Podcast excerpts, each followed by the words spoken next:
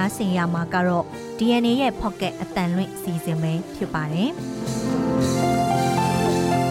ဒေါ်လာရေးတိုက်ပွဲကာလဖြစ်တာနဲ့အညီတနေ့တာသတင်းဖြစ်ရက်တွေကိုຫນွေဦးဒေါ်လာရေးသတင်းတွေကပဲဖုံးလွှမ်းထားတတ်ပါတယ်။ဒေါ်လာရေးတွေကလာတဲ့ကြည်ရေးနိုင်ငံရေးသတင်းတွေအပြင်တနေ့တာသတင်းဖြစ်ရက်တွေက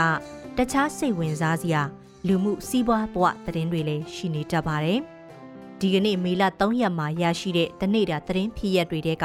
သတင်းတချို့ကို DNA ရဲ့ Pocket အစီအစဉ်မှာစူးစီးဖော်ပြပေးလိုက်ပါတယ်။ဒီအစီအစဉ်ကိုတော့ကျွန်မနန်းခမ်းနဲ့အတူကျွန်တော်မောင်သိန်းကစူးစီးတင်ဆက်ပေးသွားမှာပါ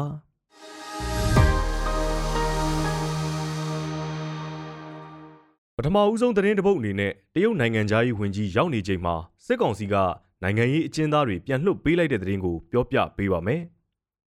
သူနဲ့ကြမှာတိုက်တိုက်ဆိုင်ဆိုင်ဆိုသလိုဇလံမျိုးပေါ့ဒါမှမဟုတ်တိုက်ဆိုင်ခြင်းအောင်စောင့်ထားတဲ့ကြိုတင်ကြံစီထားတဲ့အခင်းချင်းလို့လည်းပြောလို့ရနိုင်ပါတယ်။ဆီယနာသိမ်းပြီးနောက်နှစ်နှစ်ကျော်အတွင်းတရုတ်နိုင်ငံရဲ့အစ်စ်မြင့်ခေါင်းဆောင်တဦးဖြစ်တဲ့နိုင်ငံသားရေးဝန်ကြီးမြန်မာနိုင်ငံကိုရောက်လာတာပထမဦးဆုံးချိန်အဖြစ်စစ်ကောင်းဆောင်နဲ့တွေ့ဆုံမဲ့အချိန်မှာစူပူအောင်လှုံ့ဆော်မှုပုံမှန်905ကကြီးနဲ့ထောင်ဒဏ်ချမှတ်ခံထားရသူ2000ကျော်ကိုလွှတ်ပေးလိုက်ပါတယ်။ စစ်ကောင်စီရဲ့ကြေညာချက်မှာတော့ကစုံလာပြည့်ဗုဒ္ဓနေ့အထိတ်မှတ်လို့ဆိုပါတယ်။နိုင်ငံတော်အကျဉ်းထောင်တွေမှာ905ကကြီးနဲ့ထောင်ဒဏ်ချမှတ်ခံရသူစုစုပေါင်း2153ဦးကိုစစ်ကောင်စီကဒီကနေ့ပြန်လွှတ်လိုက်တာဖြစ်ပါတယ်။ဒီကနေ့လွန်ငင်းခွင့်ဟာနောက်တစ်ကြိမ်ပြစ်မှုထပ်ကျူးလွန်ရင်ကြန့်ရှိတဲ့ပြစ်ဒဏ်တွေပါဆက်လက်ကြခံရမယ်ဆိုတဲ့သတ်မှတ်ချက်နဲ့လွှတ်ပေးလိုက်တဲ့လွန်ငင်းခွင့်ဖြစ်ပါတယ်။ အာနာသိမ့်ပြီးကလေးကလွန်ငင်းခွင့်တွေအကြိမ်ကြိမ်ပေးခဲ့ပေမဲ့နိုင်ငံရေးအကျဉ်းသားတွေပြန်လွှတ်ဖို့ကိုတော့လက်တွန့်ခဲ့တဲ့စစ်ကောင်စီဟာအခုတစ်ကြိမ်မှာတော့နိုင်ငံရေးအကျဉ်းသားလို့ဆိုနိုင်တဲ့905ကကြီးနဲ့အကျဉ်းချခံရသူတွေကိုတီးသန့်လွန်ငင်းခွင့်ပေးခဲ့တာပါဆရာနာသိမ့်မှုစန့်ကျင်ဆန္ဒပြသူတွေလူမှုကွန်ရက်ပေါ်မှာစစ်ကောင်စီကိုစန့်ကျင်ကြောင်းရေးသားဖော်ပြသူတွေစေအုပ်စုရဲ့အကြမ်းဖက်တိုက်ခိုက်မှုတွေနဲ့ပတ်သက်လို့ဝေဖန်သူတွေသတင်းသမားတွေကစလို့ Facebook ပေါ်မှာအနက်ရောင် profile ချိန်တာ အတန်တိတ်တပိတ်မှာပါဝင်မဲ့အကြောင်းရေးသားသူတွေစတဲ့အကြောင်းအမျိုးမျိုးကြောင့်စူပူအောင်လှုံ့ဆော်တယ်လို့ဆိုကာစစ်ကောင်စီက905ကကြီးပုံမှန်တက်အမှုပွင့်ထောင်ချခံရသူတွေဒီနှစ်နှစ်အတွင်းအများပြားရှိခဲ့တာပါဒီကနေ့လူငင်းခွင်းနဲ့ပြန်လွတ်လာသူတွေထဲမှာစစ်ကောင်စီတရားရုံးကချမှတ်ထားတဲ့ထောင်ကျရက်ပြည့်ဖို့မဝေးတော့တဲ့သူတွေလည်းအများအပြားပါဝင်ပါတယ်ဆက်လက်ပြီးတော့စစ်ကောင်စီနဲ့အတူရက်တီနေကြောင်းထုတ်ပြောလာတဲ့တရုတ်နိုင်ငံသားရေးဝန်ကြီးအကြောင်းကိုပြောပြပါမယ်။ အာနာသိမ့်ပြီးတဲ့နောက်နှစ်နှစ်ကျော်အတွင်းမှာစစ်ကောင်ဆောင်ကိုလာရောက်တွေ့ဆုံတဲ့ပထမဆုံးတရုတ်နိုင်ငံအစင်မြင့်ခေါင်းဆောင်တဦးဖြစ်တဲ့တရုတ်နိုင်ငံသားရေးဝန်ကြီးကနိုင်ငံတကာမျက်နှာစာမှာဆက်လက်အားပေးထောက်ခံနေမယ်လို့ပြောလိုက်ပါတယ်။နိုင်ငံသားရေးဝန်ကြီးတာဝန်ရယူပြီးနောက်မြန်မာနိုင်ငံကိုပထမဆုံးအကြိမ်လာခဲ့တာဖြစ်တဲ့တရုတ်နိုင်ငံသားရေးဝန်ကြီးချင်းကန်ကမနေ့ကစစ်ကောင်ဆောင်နဲ့နေပြည်တော်မှာတွေ့ဆုံခဲ့ပါတယ်။ဒီကိုလာရောက်တွေ့ဆုံတာဟာနိုင်ငံချစ်ကြည်ရင်းနှီးမှုကိုဖော်ပြတာဖြစ်တယ်လို့ နိုင်ငံတကာမျက်နှာစာမှာမြန်မာနိုင်ငံဘက်ကရက်တည်နေတဲ့ဆိုတာကိုပြတ်တတာလည်းဖြစ်တယ်လို့တရုတ်နိုင်ငံသားရေးဝန်ကြီးကစစ်ကောင်ဆောင်မင်းအောင်လှိုင်နဲ့တွေ့ဆုံချိန်မှာပြောပါတယ်။ဒါဟာအာနာသိန်းစစ်အုပ်စုနဲ့ပတ်သက်လို့ထောက်ခံရက်တည်နေတဲ့သဘောတရုတ်အစိုးရထိပ်တန်းကောင်းဆောင်တဦးကနှစ်နှစ်ကျော်အတွင်းပထမဆုံးအကြိမ်ထုတ်ဖော်ပြောဆိုမှုလည်းဖြစ်ပါတယ်။ဒီမတိုင်ခင်ကတရုတ်နိုင်ငံဟာကုလာစင်မြင့်ထက်မှာစစ်အုပ်စုဖက်ကအစင်တစိုက်ကာကွယ်ရက်တီခဲ့ပေမဲ့ထိတ်တန်းကောင်းဆောင်တဦးကအခုလိုထုတ်ပြောတာမျိုးတော့မရှိခဲ့ဘူးပါဘူး။ လက်ရှိဝင်ကြီးမတိုင်မီကတရုတ်နိုင်ငံသားရေးဝင်ကြီးအဖြစ်တာဝန်ယူခဲ့တဲ့ဝမ်ရီဟာအာနာသိမ့်ပြီးတဲ့နောက်2022ခုနှစ်ကမြန်မာနိုင်ငံကိုလန်ချမ်းမဲခေါင်အစည်းအဝေးတက်ဖို့လာခဲ့ပေမဲ့စစ်ကောင်းဆောင်မင်းအောင်လိုင်းကိုတော့တည်တံ့တွေ့ဆုံခြင်းမရှိခဲ့ပါဘူး။အခုနိုင်ငံသားရေးဝင်ကြီးချင်းကန်ကတော့မင်းအောင်လိုင်းနဲ့တွေ့ဆုံခဲ့တဲ့အပြင်အာနာရှင်ဟောင်းဦးတန်းရွှေနဲ့လည်းတွေ့ဆုံခဲ့တယ်လို့တရုတ်နိုင်ငံအခြေစိုက်သတင်းတွေမှာဖော်ပြပါတယ်။ နောက်ထပ်သတင်းတစ်ပုဒ်အနေနဲ့ထောင်ဒဏ်ကြခံနေရတဲ့စစ်ကောင်စီရန်ကုန်တိုင်းဝန်ကြီးတေဆုံးတဲ့သတင်းကိုပြောပြပေးပါမယ်။အာဂရီလိုက်စားမှုနဲ့ထောင်ဒဏ်20ကြခံနေရတဲ့စစ်ကောင်စီခန့်ရန်ကုန်တိုင်းစီးပွားရေးဝန်ကြီးဟောင်းဦးအောင်တန်းဦးဟာဒီကနေ့မနက်ပိုင်းမှာယောဂာနဲ့တေဆုံးသွားတယ်လို့သိရပါဗျ။အဲ့ဒီစစ်ကောင်စီခန့်ရန်ကုန်တိုင်းဝန်ကြီးဟောင်းဟာအင်းစိန်ထောင်တွင်းကနေအရေးပေါ်အခြေအနေအရအင်းစိန်ပြည်သူ့စေယုံကြီးကိုတင်ပို့ကုသရင်းအသက်ရှူလမ်းကြောင်းနဲ့အုံနောက်တွင်ပိုးဝင်တာကြောင့် သွေးလန့်ယောဂါနဲ့သေဆုံးခဲ့တယ်လို့စေအုပ်စုနဲ့နှီးဆက်သူတွေကဆိုကြပါတယ်။ကွယ်လွန်ချိန်မှာအသက်56နှစ်အရွယ်ရှိပြီဖြစ်တဲ့ဦးအောင်တန်းဦးဟာပြည်ခိုင်ဖြိုးပါတီဝင်တဦးဖြစ်တယ်လို့မြန်မာနိုင်ငံစံစဘာအသင်းချုပ်ဒုတိယဥက္ကဋ္ဌအဖြစ်လဲတာဝန်ယူခဲ့ပူပါတယ်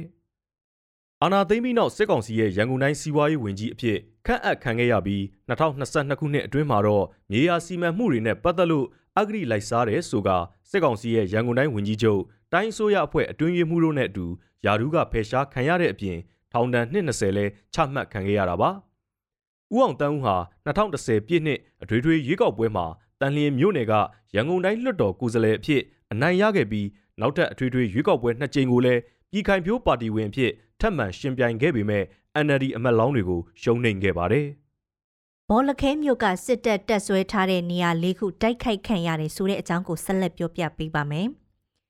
ကရင်နီကရားပြည်နယ်ဘောလခဲမြို့တွင်းကစစ်ကောင်စီစခန်းချထားတဲ့စစ်မှုထမ်းဟောင်းယုံလာဝါကယုံမြို့မရဲစခန်းနဲ့ရုပ်တံလွင့်ဌာနတို့ကိုဘောလခဲပြည်သူကာကွယ်ရေးတပ်နဲ့ဖားဆောင်ပြည်သူကာကွယ်ရေးတပ်တို့ကမေလတရက်မှာတပြိုင်တည်းဝင်ရောက်တိုက်ခိုက်ခဲ့ပြီးစစ်မှုထမ်းဟောင်းရုံးကိုမိရှို့ဖျက်ဆီးနိုင်ခဲ့တယ်လို့သိရပါတယ်။ဘောလခဲပြည်သူ့ကာကွယ်ရေးတပ်ဖွဲ့ PPTF အမတ်1135နဲ့ဖားဆောင်ပြည်သူ့ကာကွယ်ရေးတပ်ဖွဲ့ PPTF အမတ်1138တပ်ရင်တို့ဟာ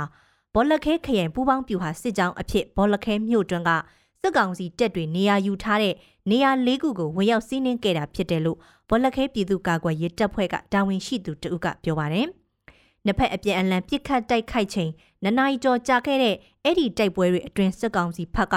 9ဦးသေဆုံးပြီး20ဦးထပ်မံဒဏ်ရာတွေရရှိခဲ့တယ်လို့ဆိုပါတယ်။လက်ရှိမှာတော့စစ်ကောင်စီကသေဆုံးအလောင်းတွေနဲ့ ဒဏ်ရာရသူတွေကိုပြန်လည်ဆွဲထုတ်သွားပြီးဖြစ်တယ်လို့ဒဏ်ရာရလူနာတွေကိုမနေ့ကရဟတ်ရင်နဲ့လာရောက်ခေါ်ယူသွားတယ်လို့သိရပါတယ်။အဲ့ဒီမြို့တွင်စင်းနှင်းတိုက်ခိုက်မှုမှာစစ်မှုထမ်းဟောင်းရုံးကိုမိရှို့ဖျက်ဆီးနိုင်ခဲ့တယ်လို့လာဝကရုံးကိုဝင်ရောက်ရှင်းလင်းရာမှာတော့စစ်ကောင်စီရဲ့အမတ်430တပ်ရင်းကစစ်ကူတွေရောက်လာတဲ့အတွက်ပြန်လည်ဆုတ်ခွာခဲ့တယ်လို့သိရပါတယ်။တိုက်ပွဲအတွင်းကရင်နီပူးပေါင်းတပ်တွေဖက်ကချေမုံရေးရိုင်ဖယ်နှစ်လက် ကြီးပေါက်9ခုနဲ့ဆက်ဆက်ခဲယမ်းတွေတင်စီရမိခဲ့တယ်လို့သိရပါတယ်။အဲ့ဒီတိုက်ပွဲမှာဘောလခဲပြည်သူ့ကာကွယ်ရေးတပ်ဖွဲ့ PPTF ကတပ်ဖွဲ့ဝင်2ဦးလဲကြဆုံးခဲ့ပြီးတအူးပြင်းထန်ဒဏ်ရာရခဲ့တယ်လို့သိရပါတယ်။နောက်ဆုံးသတင်းတစ်ပုဒ်အနေနဲ့မီးပြက်ရေပြက်လို့ရေစင်းချိုးသူတွေနဲ့စီကားနေတဲ့စကိုင်းတရားအောက်က ARD မြစ်အကြောင်းကိုပြောပြပေးပါမယ်။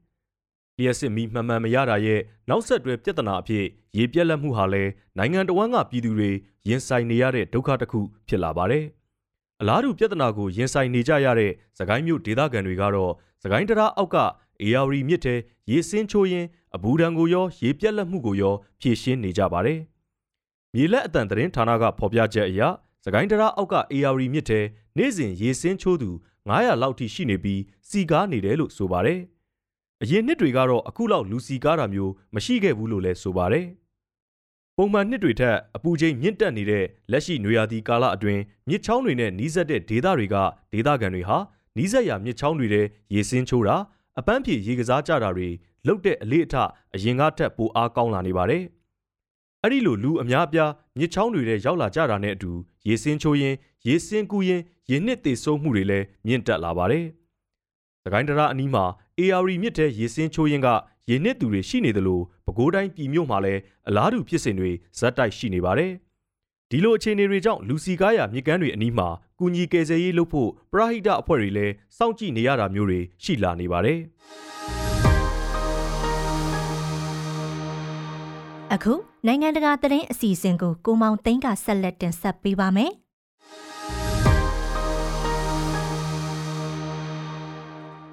ယူကရိန်းနိုင်ငံကလယ်သမားတယောက်ဟာသူ့ရဲ့ရွာနီးချုပ်ဆက်ဒေသတွေမှာမြေမြုံမိုင်းအန္တရာယ်ကိုရှင်းလင်းပေးဖို့အတွက်ရိုးရှင်းပေမဲ့စိတ်ကူးစမ်းသစ်ပြီးထိရောက်တဲ့နီလန်းကိုအသုံးပြုနေပါတယ်။ပြီးခဲ့တဲ့နှစ်ကယူကရိန်းဟာအောင်မြင်တဲ့တံပြန်ထိုးစစ်တရက်ကိုဆင်နွှဲခဲ့တဲ့နောက်နိုင်ငံအရှေ့ပိုင်းဒေသတချို့မှာကျူးကျော်သူရုရှားတပ်တွေကိုမောင်းထုတ်နိုင်ခဲ့ပါတယ်။ဒါပေမဲ့ရုရှားတွေဟာစုတ်ခွာချိန်မှာနေရာအနှံ့မြေမြုပ်မိုင်းတွေအများအပြားထောင်ထားခဲ့တာကြောင့်ယူကရိန်းစစ်သားတွေအပြင်အရက်သားပြည်သူတွေအတွက်ပါ ကြီးမားတဲ့ချင်းချောက်မှုတွေအဖြစ်ရှိနေပါတယ်။မြေမြုပ်မိုင်းအန်နီယန်နဲ့ရင်ဆိုင်နေရတဲ့ထဲမှာအိုလက်ဇန်နာခရစ်စတော့ရဲ့ဟာရာကိုဘေးကြီးရွာနဲ့အနီးတစ်ဝိုက်လူနေဧရိယာတွေလည်းအပါအဝင်ဖြစ်ပါတယ်။ယူကရိန်းစစ်တပ်ကလည်းစစ်စင်ရေးတွေကိုအာယုံစိုက်နေရဆဲဖြစ်တာကြောင့်မိုင်းရှင်းလင်းရေးကိစ္စကိုထိထိရောက်ရောက်မဆောင်ရွက်ပေးနိုင်သေးပါဘူး။ဒီအခြေအနေမှာခရစ်စတော့ကလက်တွေ့အသုံးဝင်ပြီးထိရောက်တဲ့မိုင်းရှင်းလင်းရေးနည်းလမ်းတစ်ခုကိုစဉ်းစားမိပြီးလက်တွေ့အကောင့်ထဲပေါ်ခဲ့ပါတယ်။ စိုက်ပျိုးရေးကုမ္ပဏီတစ်ခုရဲ့မန်နေဂျာဖြစ်သူခရစ်စတော့ကထရက်တာလေထွန်ဆက်တစ်စီးကိုမိုင်းတန်ခံနိုင်မဲ့တန်ကြပ်အကာအကွယ်တွေအားဖြည့်တက်ဆင်ပေးပြီးအဝေးထိန်းစနစ်နဲ့မောင်းနှင်လို့ရတဲ့ရင်အဖြစ်ပြောင်းလဲလိုက်ပါတယ်။ပြီးတော့အဲ့ဒီလေထွန်ဆက်ကိုအဝေးထိန်းစနစ်နဲ့ထိန်းချုပ်ပြီးမိုင်းကွင်းနေတဲ့ဖြတ်မောင်းစေပြီးမိုင်းရှင်းလင်းမှုတွေလှုပ်ဆောင်နေတာဖြစ်ပါတယ်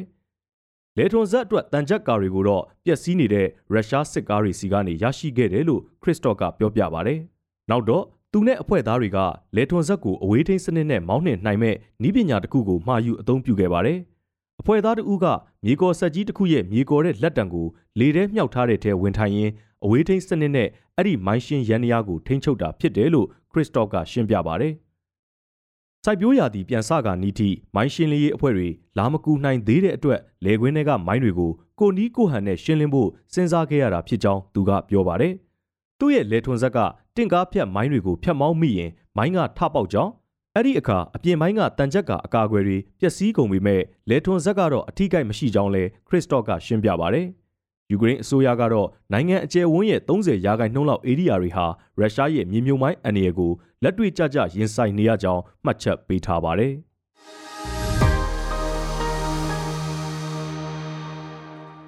ဂါဇာကမ်းမြောင်ဒေသကပါလက်စတိုင်းပျောက်ကြားအဖွဲ့တွေရဲ့စစ်ရေးပြစ်မှတ်တွေကိုအစ္စရေးကလေကြောင်းကနေအပြင်းထန်တိုက်ခိုက်ခဲ့ပါတယ်။ထင်ရှားတဲ့ပါလက်စတိုင်းပျောက်ကြားအဖွဲ့ဝင်တဦးဟာအစ္စရေးရဲ့ထိမ့်သိမ်းမှုကိုခံထားရခြင်းအတွင်းမှာတေဆုံးသွားတဲ့နောက်ဂါဇာဘက်ကနေအစ္စရေးပိုင်နက်စီ UTB ဒုံးကျည်ပစ်ခတ်မှုတွေရှိလာပါတယ်။အဲ့ဒီနောက်မေလ3ရက်မနက်အစောပိုင်းမှာအစ္စရေးကဂါဇာစီးတီးကိုလေကြောင်းကနေတိုက်ခိုက်လာတာပါ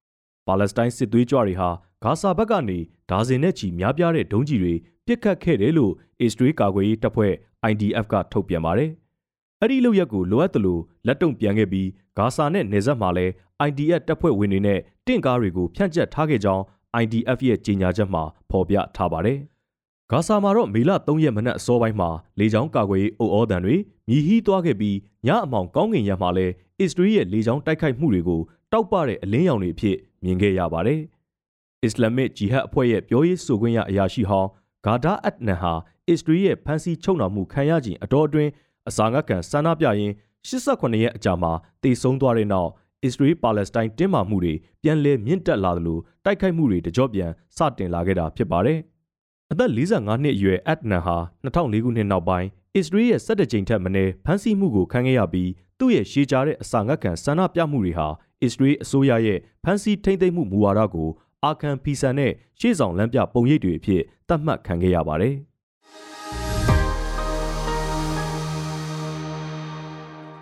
အင်ဖြူတော်မှာဧည့်သည်တော်တောင်ကိုရီးယားသမ္မတယွန်ဆုကယိုနဲ့အတူရှင်တွဲရရင်အမေရိကန်သမ္မတဂျိုးဘိုင်ဒန်ကမဟာမိတ်တောင်ကိုရီးယားနိုင်ငံကိုမြောက်ကိုရီးယားကချိန်ချောက်လာမဲ့နျူကလ িয়ার အန္တရာယ်ဆက်ကွင်းကနေဘလို့အကာအကွယ်ပေးမလဲဆိုတဲ့အစီအမံတစ်တွေကိုကြေညာခဲ့ပါတယ်။အခုသတင်းပတ်မှာဘိုင်ဒန်က တကဘာလုံးကိုတရားဝင်အသိပေးလိုက်တဲ့မဟာဗျူဟာသဘောတူညီချက်အသစ်တွေထဲမှာနိုင်ငံတကာမီဒီယာတွေရဲ့ခေါင်းကြီးပိုင်းကပေါ်ပြခံရတဲ့အကြောင်းအရာတစ်ခုပါဝင်ပါတယ်။အဲ့ဒါကတော့အမေရိကန်ရဲ့နျူကလ িয়ার ရေငုပ်သင်္ဘောတစ်စီးဟာတောင်ကိုရီးယားမှာစိုက်ကပ်ထားမယ်ဆိုတဲ့ကိစ္စပါပဲ။1982ခုနှစ်နောက်ပိုင်းပထမဆုံးအကြိမ်အဖြစ်အမေရိကန်ရဲ့နျူကလ িয়ার ရေငုပ်သင်္ဘောတစ်စီးဟာတောင်ကိုရီးယားမှာပြန်လည်စိုက်ကပ်ထားပြီးလိုအပ်လာရင်တိုက်ပွဲဝင်ဖို့အသင့်အနေထားနဲ့ပြင်ဆင်ထားမယ်လို့ဆိုပါတယ်။ နိုင်ငံတကာစီးရေးသူတေသီတွေကတော့ဒီကိစ္စဟာမဟာဗျူဟာရှုထောင့်ကကြည့်ရင်အရင်အမြင့်ဖြုံးတိမှုတစ်ခုလို့ဝေဖန်ကြတယ်လို့လက်တွေ့အသုံးဝင်မှုထက်အဆောင်ရောင်သဘောဆန်နေတယ်လို့ပြောပါတယ်။ဒီသုံးသက်ချက်တွေရဲ့အခြေခံအကြဆုံးအကြောင်းတရားကတော့အင်မတန်လျှို့ဝှက်တူသိပ်အောင်လှုပ်ရှားပြီးစစ်စင်ရေးတွေဆောင်ရွက်ရတဲ့လက်နက်မျိုးကိုမိတ်ဆွေနိုင်ငံတစ်ခုရဲ့စိတ်ကမ်းမှာဘောဘောထင်ထင်ကြီးရန်နာပြထားမှာဖြစ်တာကြောင့်ပါပဲ။ပြီးတော့အမေရိကန်ရဲ့နျူကလ িয়ার ရေငုပ်သင်္ဘောတွေဟာ အင်မတန်အဆင့်မြင့်ပြီးမြောက်ကိုရီးယားရဲ့ပိုင်နက်နဲ့မိုင်းထောင်ပေါင်းများစွာကွာဝေးတဲ့နေရာကနေနျူကလ িয়ার ထိပ်ဖူးတပ်ဒုံးကျည်တွေနဲ့လျှက်တစ်ပြက်တိုက်ခိုက်နိုင်စွမ်းရှိပါတယ်။အဲဒီလိုစစ်လက်နက်မျိုးကိုမြောက်ကိုရီးယားရဲ့အိမ်နီးချင်းတောင်ကိုရီးယားနိုင်ငံမှာတကူးတကလာရောက်ဖြန့်ကျက်ပြထားပေးတယ်ဆိုတာကရုပ်ပြသဘောပူဆန်နေတယ်လို့ထောက်ပြခံရတာတဘာဝကြပါတယ်။ဘိုင်ဒန်ကတော့ဒီလိုအစွမ်းထက်စစ်လက်နက်မျိုးတောင်ကိုရီးယားမှာအသင့်အနေထားရှိနေမယ်ဆိုတာကမြောက်ကိုရီးယားအနေနဲ့နျူကလ িয়ার လက်နက်တွေထုတ်သုံးဖို့အရေးကို အကြိမ်ကြိမ်ပြန်စဉ်းစားသွားစေရမယ်လို့ပြောပါတယ်။ဒီနေရာမှာတောင်ကိုရီးယားကိုဆေလွတ်မဲ့အမေရိကန်ရဲ့ရေငုပ်သင်္ဘောရဲ့တိဆောက်ပုံဤပညာနဲ့စွမ်းဆောင်ရည်တွေကိုပြန်ဆန်းစစ်ကြည့်သင့်ပါတယ်။နျူကလ িয়ার စွမ်းအင်အသုံးပြုပြီးမဟာဗျူဟာပဲ့ထိန်းဒုံးတွေတက်ဆင်ထားတဲ့ Ohio Class ရေငုပ်သင်္ဘောတွေကိုအမေရိကန်ရေတပ်က14စီးပိုင်ဆိုင်ပါတယ်။ရေတပ်မှာတော့အဲ့ဒီရေငုပ်သင်္ဘောတွေကိုဘွန်မာဆိုတဲ့ချစ်စနိုးနာမည်နဲ့ခေါ်ဝေါ်ကြပါတယ်။ရေငုပ်သင်္ဘောတစ်စီးစီးက ပေ960ရှိပြီးတန်18000ကျော်လေးလံပါတယ်။ပြီးတော့နျူကလ িয়ার ဓာတ်ပေါင်းဖို့တစ်ခုတည်းကထုတ်ပေးတဲ့စွမ်းအင်နဲ့ခုန်မောင်းပါတယ်။ဘွန်မာတွေကိုရေအောက်မှာ89ရက်ဇက်တိုက်ငုပ်ရှိုးပြီးစစ်စင်ရေးတွေလှုပ်ဆောင်နိုင်အောင်ဒီဇိုင်းထုတ်ထားကြောင်းရေတပ်ကပြောပါတယ်။ပြီးရင်စိတ်ကမ်းမှာပြန်လည်ပြင်ဆင်မွမ်းမံမှုတွေကိုတလကျော်လောက်အချိန်ယူလှုပ်ဆောင်ဖို့လိုပါတယ်။ရေငုပ်သင်္ဘောအဖွဲ့သားတွေကိုနှစ်တုပ်ခွဲထားလေးရှိပြီးအပြာရောင်အသင်းနဲ့ရွှေရောင်အသင်းလို့ခေါ်လေးရှိပါတယ်။ တစ်ဖွဲ့ကစစ်စင်ရေးဆောင်ရွက်နေချိန်ဒါမှမဟုတ်လေ့ကျင့်နေချိန်တွေမှာကြံတစ်ဖွဲ့ကပြည့်ပြည့်ဝဝအနားရအောင်စီစဉ်ထားတဲ့သဘောပါ။ဘုံမာတစ်ဖြစ်လဲ Ohio Class ရေငုပ်သင်္ဘောတစည်းစီမှာ Trident 2အမျိုးအစားပဲ့ထိန်ဒုံးကြီးအများဆုံးအစင်း20ထိတက်ဆင်ထားနိုင်ပါတယ်။အဲ့ဒီဒုံးကြီးတွေဟာမိုင်ပေါင်း4600အကွာကပြစ်မှတ်ကိုမလွဲတမ်းချေမှုန်းနိုင်ပါတယ်။အတိဘယ်ကတော့ဘုံမာတစည်းဟာအပြောကျယ်လာတဲ့ပစိဖိတ်အိန္ဒိယဒါမှမဟုတ်အာတိတ်သမုဒ္ဒရာတွေရဲ့ တနေရာရာကနေမြောက်ကိုရီးယားကိုလှမ်းပစ်ခတ်နိုင်ပါတယ်။တောင်ကိုရီးယားစိတ်ကမ်းမှာရှိနေဖို့မလိုပါဘူး။ Trident 2ဒုံးကြီးဒဇင်းစီတိုင်းဟာထိပ်ဖူးတော်တော်များများတက်ဆင်နိုင်ပါတယ်။ပြီးတော့ဒုံးကြီးဒဇင်းပြစ်လွတ်လိုက်ချိန်မှာပြစ်မှတ်အရေးအတွက်အတော်များများစီထိပ်ဖူးတွေဖြန့်ခွဲကြရောက်ထိမှန်နိုင်ပါတယ်။အမေရိကန်ရေတပ်ကအတိအကျထုတ်ပြောတာမျိုးမဟုတ်ပေမဲ့ Trident 2ဒုံးကြီးဒဇင်းမှာနျူကလ িয়ার ထိပ်ဖူး၄ခုထိတက်ဆင်နိုင်တယ်လို့ယူဆရပါတယ်။ တနည်းအားဖြင့်ဘွန်မာတစည်းဟာနျူကလ িয়ার ထိပ်ဖူးအခု80ကိုတင်ဆောင်ပြီးရန်သူကိုခြေမုံမှုအသင့်ရှိနေနိုင်ပါတယ်။ပိုပြီးဓာတ်ရိုက်ကြကြပြောရရင်ဘွန်မာတစည်းတွေကမြောက်ကိုရီးယားတနိုင်ငံလုံးကိုမှုံမှုံညက်ညက်ခြေပစ်နိုင်စွမ်းရှိပါတယ်။ပြီးတော့အစောပိုင်းမှာပြောခဲ့သလိုအပြောကျယ်လှတဲ့သမုဒ္ဒရာရေပြင်ကြီးရဲ့ဘယ်နေရာကမဆိုနျူကလ িয়ার ဒုံးကျည်တွေနဲ့တိုက်ခိုက်နိုင်ပါတယ်။စစ်ရေးတုတေတီတွေလက်နက်ပါရဂူတွေမေကွန်းထုတ်နေကြတာကလည်းအဲ့ဒီကိစ္စပါပဲ။အင်မတန်တူသိပ်လျှို့ဝှက်တဲ့ စစ်ရေးရန်ရာကြီးကိုဘာကြောင့်ပေါ်ပေါ်ထင်ထင်ဖြန့်ကျက်ပြရတာလဲ။အမှန်တော့တောင်ကိုရီးယားမှာစိုက်ကတ်ထားတယ်ဆိုတာကိုကရေငုပ်သင်းမောတွေရဲ့နံပါတ်1အရေးအကြီးဆုံးအရေးသွေးဖြစ်တဲ့လျှို့ဝှက်မှုကိုစတေးလိုက်တာပဲလို့အမေရိကန်စစ်ရေးရင်မှုဟောင်းနဲ့ပစိဖိတ်ရေတပ်ရဲ့ဟာဝါရီအခြေစိုက်ထောက်လန်းရေးစင်တာကညွှန်ကြားရေးမှူးဟောင်းကားရှူစတာကပြောပါတယ်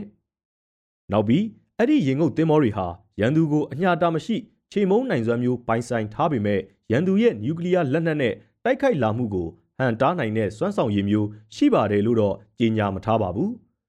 ။ဤပညာပိုင်းအရလဲနျူကလ িয়ার ရင်ငုတ်သင်းမောတွေဟာတိုက်စစ်အတွက်ပဲအသုံးချနိုင်မယ်လို့ပညာရှင်အများစုကလက်ခံထားပါတယ်။ဒီတော့တောင်ကိုရီးယားအပေါ်နျူကလ িয়ার ချင်းချောက်မှုကိုကာကွယ်မဲ့အစီအမံတွေတဲကတစ်ခုအဖြစ်ရင်ငုတ်သင်းမောစေလွတ်မယ်ဆိုတဲ့ဘိုင်နန်ရဲ့စကားနဲ့ကအကြောင်းမညီညွတ်တယ်လို့ဖြစ်နေပါတယ်။ Ohio Class တွေဟာချိန်လောက်စရာအစွမ်းထက်လက်နက်တွေဖြစ်နေတယ်ဆိုတာမငင်းနိုင်ကြောင်း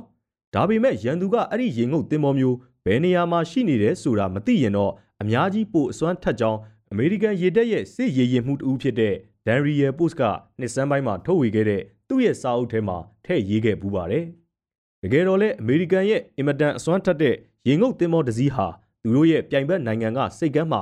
ကန်းကတ်ထားတာထက်ဘယ်နေရာမှမသိနိုင်တဲ့တနေရာကရေမျက်နှာပြင်အောက်ပေရာပေါင်းများစွာမှာငုံရှိုးနေတဲ့အခြေအနေမျိုးက မြောက်ကိုရီးယားကိုပို့ပြီးကြောစိမ့်စေမှာဖြစ်ပါတယ်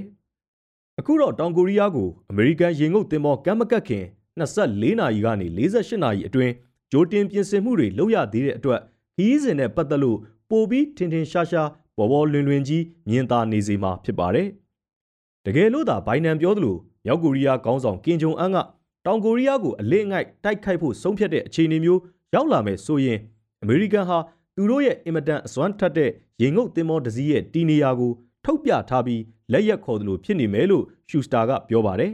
။ဒီအခြေအနေတွေအရအမေရိကန်ရေငုပ်သင်္ဘောတစည်းတောင်ကိုရီးယားကိုရောက်လာမယ်ဆိုတာဟာမဟာဗျူဟာတန်ဖိုးအရထူးထူးခြားခြားဘာမှတိုးတက်မလာတဲ့အပြင်အနှုတ်လက္ခဏာတောင်ပြနေတဲ့ရုပ်ပြကောင်းယုံလောက်ရက်ပဲလို့ဝေဖန်ခံနေရတာမဆန်းလှပါဘူး။ဒါပေမဲ့တချို့ကလည်းအမေရိကန်အစိုးရကိုယ်တိုင်ကတောင်ကိုရီးယားကိုနှစ်သိမ့်ဖို့နဲ့ တမင်တကာရုပ်ပြကောင်းယုံတက်တက်ကြီးညာဖို့ဒီကိစ္စမျိုးကိုဆုံးဖြတ်ခဲ့တာဖြစ်နိုင်တာပဲလို့ယူဆကြပြန်တယ်။ဥပမာအနေနဲ့စင်ကာပူမျိုးသားတက္ကသိုလ်ရဲ့လီကွမ်ယူပြည်သူ့မူဝါဒကောလိပ်ကအကြီးတန်းသုတေသီဒရူးသွန်ဆန်ဟာဒီရှုထောင့်မျိုးကိုလက်ခံထားပါတယ်။နျူကလ িয়ার ဒုံးကျည်တင်ရေငုပ်သင်းမောတွေလိုမဟာဗျူဟာနျူကလ িয়ার စစ်လက်နက်တွေအားလုံးကတကယ်တမ်းအသုံးချဖို့ထက်ထုတ်ပြပြီးချင်းချောက်ဖို့ရည်ရွယ်တိစောက်ထားတာမဟုတ်လားလို့ သူကမေးခွန်းထုတ်သွားခဲ့ပါတယ်။